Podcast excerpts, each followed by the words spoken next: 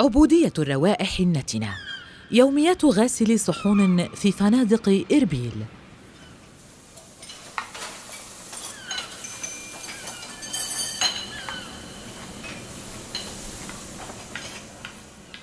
تساءلت مرارا كيف يفكر النادل.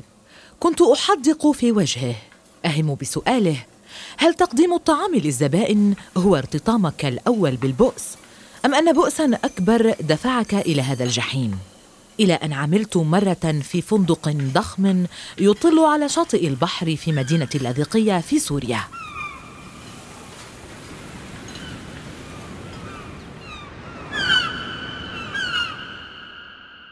هناك التقيت غاسل صحون. توقفت عن طرح الأسئلة فالروائح الكريهة كانت كفيلة. بالإجابة عن اسئلتي وطرح المزيد منها أيضا.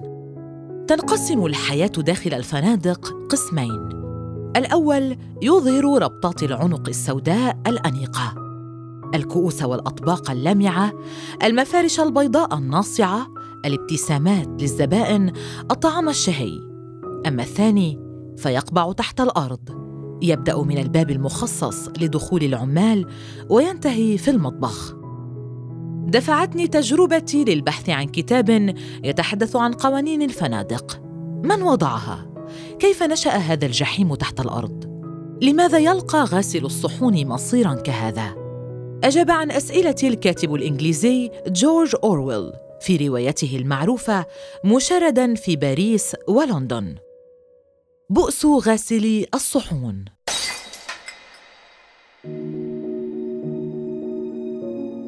جسدت هذه الرواية كل ما اختبرته أثناء عملي. اذا غاسل الصحون هم متشابهون في جميع بلدان العالم. إنهم الأدنى مرتبة والأكثر بؤسا. يحكي أورويل عن كاتب إنجليزي فقير في باريس. يبحث عن عمل. فيلتقي صديقه الضابط الروسي السابق. وينتهي الأمر بهما إلى غسل الصحون في أحد فنادق باريس. عندما قرأت وصف أورويل الباب المخصص لدخول العمال. شعرت أنه يصف الفندق الذي عملت فيه. يقول كان فندق سين مبنى واسعا فخما ذا واجهة كلاسيكية وفي أحد جوانبه مدخل مظلم صغير مثل جحر فأر وهو لدخول العمال. فيما يلي تجارب ثلاثة شبان من سوريا ومصر والعراق. يعملون غاسلي صحون في مطابق فنادق مدينة إربيل العراقية حيث لا يمكنك إلا أن تشم روائح بقايا الطعام وأكياس القمامة والطناجر الكبيرة المنقوعة بالمياه ومقالي البيض النتنة والأرضية المصبوغة بزيت القلي.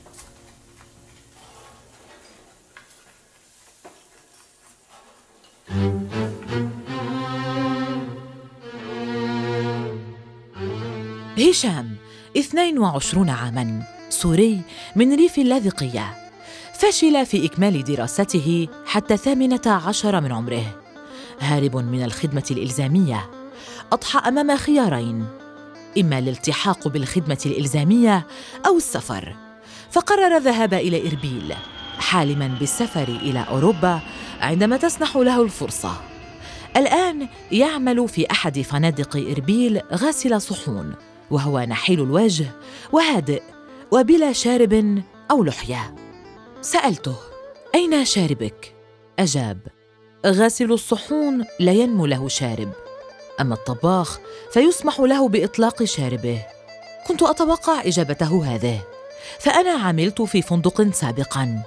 كان غاسلو الصحون يشتكون دائما من الحساسية الجلدية التي تظهر فوق أفواههم. نتيجة للحلاقة المستمرة للشارب واللحية. لكن لم أفهم يوما لماذا غاسل الصحون بلا شارب. أجابني أورويل في روايته. في ثالث يوم لي في الفندق استدعاني رئيس المستخدمين. قال بحدة اسمع أنت أحلق تلك الشوارب حالا. يا إلهي من سمع بغسل صحون له شارب؟ رأيت أنها أصول متبعة. فيما بعد وجدت شرحا. هو أن الندله في الفنادق الجيدة هم بلا شوارب. ومن أجل أن يظهروا أنهم أعلى منزلة قرروا أن غسيلي الصحون بلا شوارب أيضاً. أما الطهاة فيحتفظون بشواربهم إظهاراً لاحتقارهم للندل. إن هذا يقدم فكرة عن النظام الفئوي الواضح في الفندق. فالعمال يتدرجون حسب مستوى دخلهم. فكيف سيكون الأمر مع غاسل صحون يتقاضى 300 دولار أمريكي في الشهر والطباخ نحو 1200 أسرار الستيوارد يقول هشام أعمل في قسم الستيوارد أي كل ما يتعلق بالمطبخ. نمتثل لأوامر الطهاة. نعمل أثناء الحفلات بمبلغ إضافي رمزي. في بعض الأحيان لا نحصل عليه ولا ننجو من العقاب. فيذهب مالنا بسبب شكوى من الطباخ أو بسبب كسرنا كأسا عن طريق الخطأ أو بسبب مخالفتنا القوانين وتناولنا سندويش خارج الكافيتيريا المخصصة لنا. ما هي مهمتكم؟ يجيب. نحافظ على نظافة الأواني والأطباق وكل ما يتعلق بخدمة الطعام والشراب مع التعقيم المستمر وترتيب معدات الخدمة والمحافظة على نظافة البرادات والأفران والمستودعات الخاصة بأقسام الطعام وترحيل القمامة وغسيل وتعقيم منطقة الترحيل جيداً بعد إفراغها. ويصف هشام كافيتيريا غاسلي الصحون غرفة صغيرة تشبه القبوة تحت الأرض. لا تدخلها الشمس ولا الهواء. تشوبها رائحة الرطوبة والبرودة حتى في الصيف. فالمقاعد والكراسي حديدية والأطباق الخاصة بنا تشبه أطباق المساجين. أما الطعام فهو بقايا وجبات الزبائن. وفي بعض الأحيان بطاطا وأرز مسلوق. يلتقي وصف هشام للكافيتيريا بما كتبه أورويل. هبط بي في سلم حلزوني إلى ممر ضيق عميقا تحت الأرض وكان الممر ذا سقف خفيض حتى تعين علي أحيانا أن أنحني معتما. لا تضيئه سوى مصابيح الصفر متباعدة عن بعضها عدة ياردات. نظام العبودية الشامل. مالك 23 عاما عراقي من مدينة الموصل.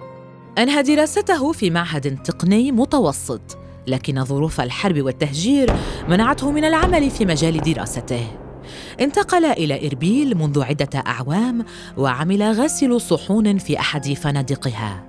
ينظر إلى وجهي يبتسم ابتسامة رضا ويقول عمل غاسل الصحون لا يشبه عمل أحد. يغسل تسع ساعات يوميا. يتناول بقايا طعام الآخرين تحت الأرض. ينام في السكن الملاصق للفندق. لا يمكنه استقبال صديق إلا بإذن من الموارد البشرية التابعة للفندق. يعود صباحا تنتظره الطناجر والأرضية المتسخة وفرز القمامة. إنه نظام العبودية الشامل. أو هذا ما أشعر به. لماذا أنت راض عن ذلك؟ جوابه أضحى الغسيل جزءا من حياتي. أنجزه بسرعة. أرتب الاوراني بدقة. اعتدت رائحة البيض والزبده المنقوعه كما اعتدت رائحة لباس العمل. ليس أمرا ممتعا لكنه يوفر 300 دولار لشاب في العشرين من عمره. دمرت الحرب منزله في الموصل وجاء إلى مدينة إربيل بلا مأوى هنا في العراق. يصف أورويل عمل غاسل الصحون في روايته كالآتي. الغسل عمل بغيض. ليس شديدا لكنه مضجر وغبي. ومن الرهيب التفكير أن اناسا أمضوا عقودا من حياتهم في مثل هذه الأعمال. استوقفتني عبارة قالها مالك فرز القمامة. فعادت ذاكرتي إلى فندق اللاذقية. كنت كلما وصلت إلى نهاية المطبخ واجتزت ممرات الأقبية الضيقة عبرت بالقرب من منطقة فرز القمامة. فأضع أنفي في ياقة سترتي وأمنع عن نفسي الهواء. لكن الرائحة كانت أقوى بكثير فينتابني الغثيان وأتقيأ. كيف تفرزون القمامة؟ أسأل هشام. فيرد. نجمعها من مختلف الأقسام ثم ننقلها إلى المكان المخصص لفرزها. نضع القفازات ونبدأ بالفرز. وماذا عن الرائحة؟ يجيب.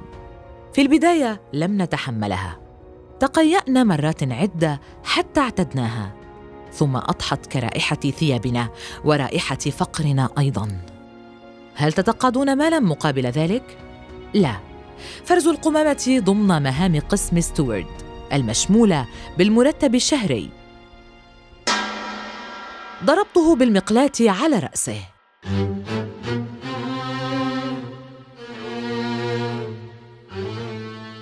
تجذب مدينة إربيل العمال العرب خاصة الهاربين من الحروب في بلادهم لسهولة الحصول على تأشيرة الدخول التي تراوح تكلفتها بين 100 و 200 دولار. لا تشترط حكومة إقليم كردستان المباشرة بالعمل للحصول على الإقامة السنوية ما يجعلها أكثر سهولة من دول الخليج حيث ترتفع تكاليف التأشيرة والسفر والمعيشة. وتشترط العمل لاستخراج الإقامة السنوية كما أنها ليست وجهة سهلة للعبور إلى أوروبا مقارنة بإربيل. وممن جذبتهم إربيل المصري عمر 25 عاماً. لديه زوجة وطفلة يرسل لهما مرتبه الشهري. خاض تجربة العمل في فندق بأبو ظبي قبل عدة أعوام لكنه لم يستمر. انتقل إلى إربيل حالماً بالخروج من المطبخ إلى ظروف عمل أفضل. يعمل في فندق ضخم في مدينة إربيل. يغسل الصحون مبتسماً. وسماعتان في أذنيه. يستمع للأخبار والموسيقى. عندما يحل المساء يتسلل إلى غرفة صديقه الهندي طلبا لتعلم اللغة الإنجليزية. يتعرض عمر لإهانات كبير الطهاة لأنه غاسل صحون. ذات مرة لم يتمالك نفسه فضربه بالمقلاة وتسقط البيض فوق رأسه. يقول عمر إن مهنة غاسل الصحون متوفرة دائما فهي لا تحتاج إلى خبرة أو تحصيل دراسي أو حتى لغات. لسهولتها تعرض صاحبها للمذلة أحيانا. فيظن كل من في المطبخ أن غاسل الصحون عبد له. ويضيف القساوة لا تكمن في طبيعة العمل المقرفة بل في التعامل معنا كجرذان.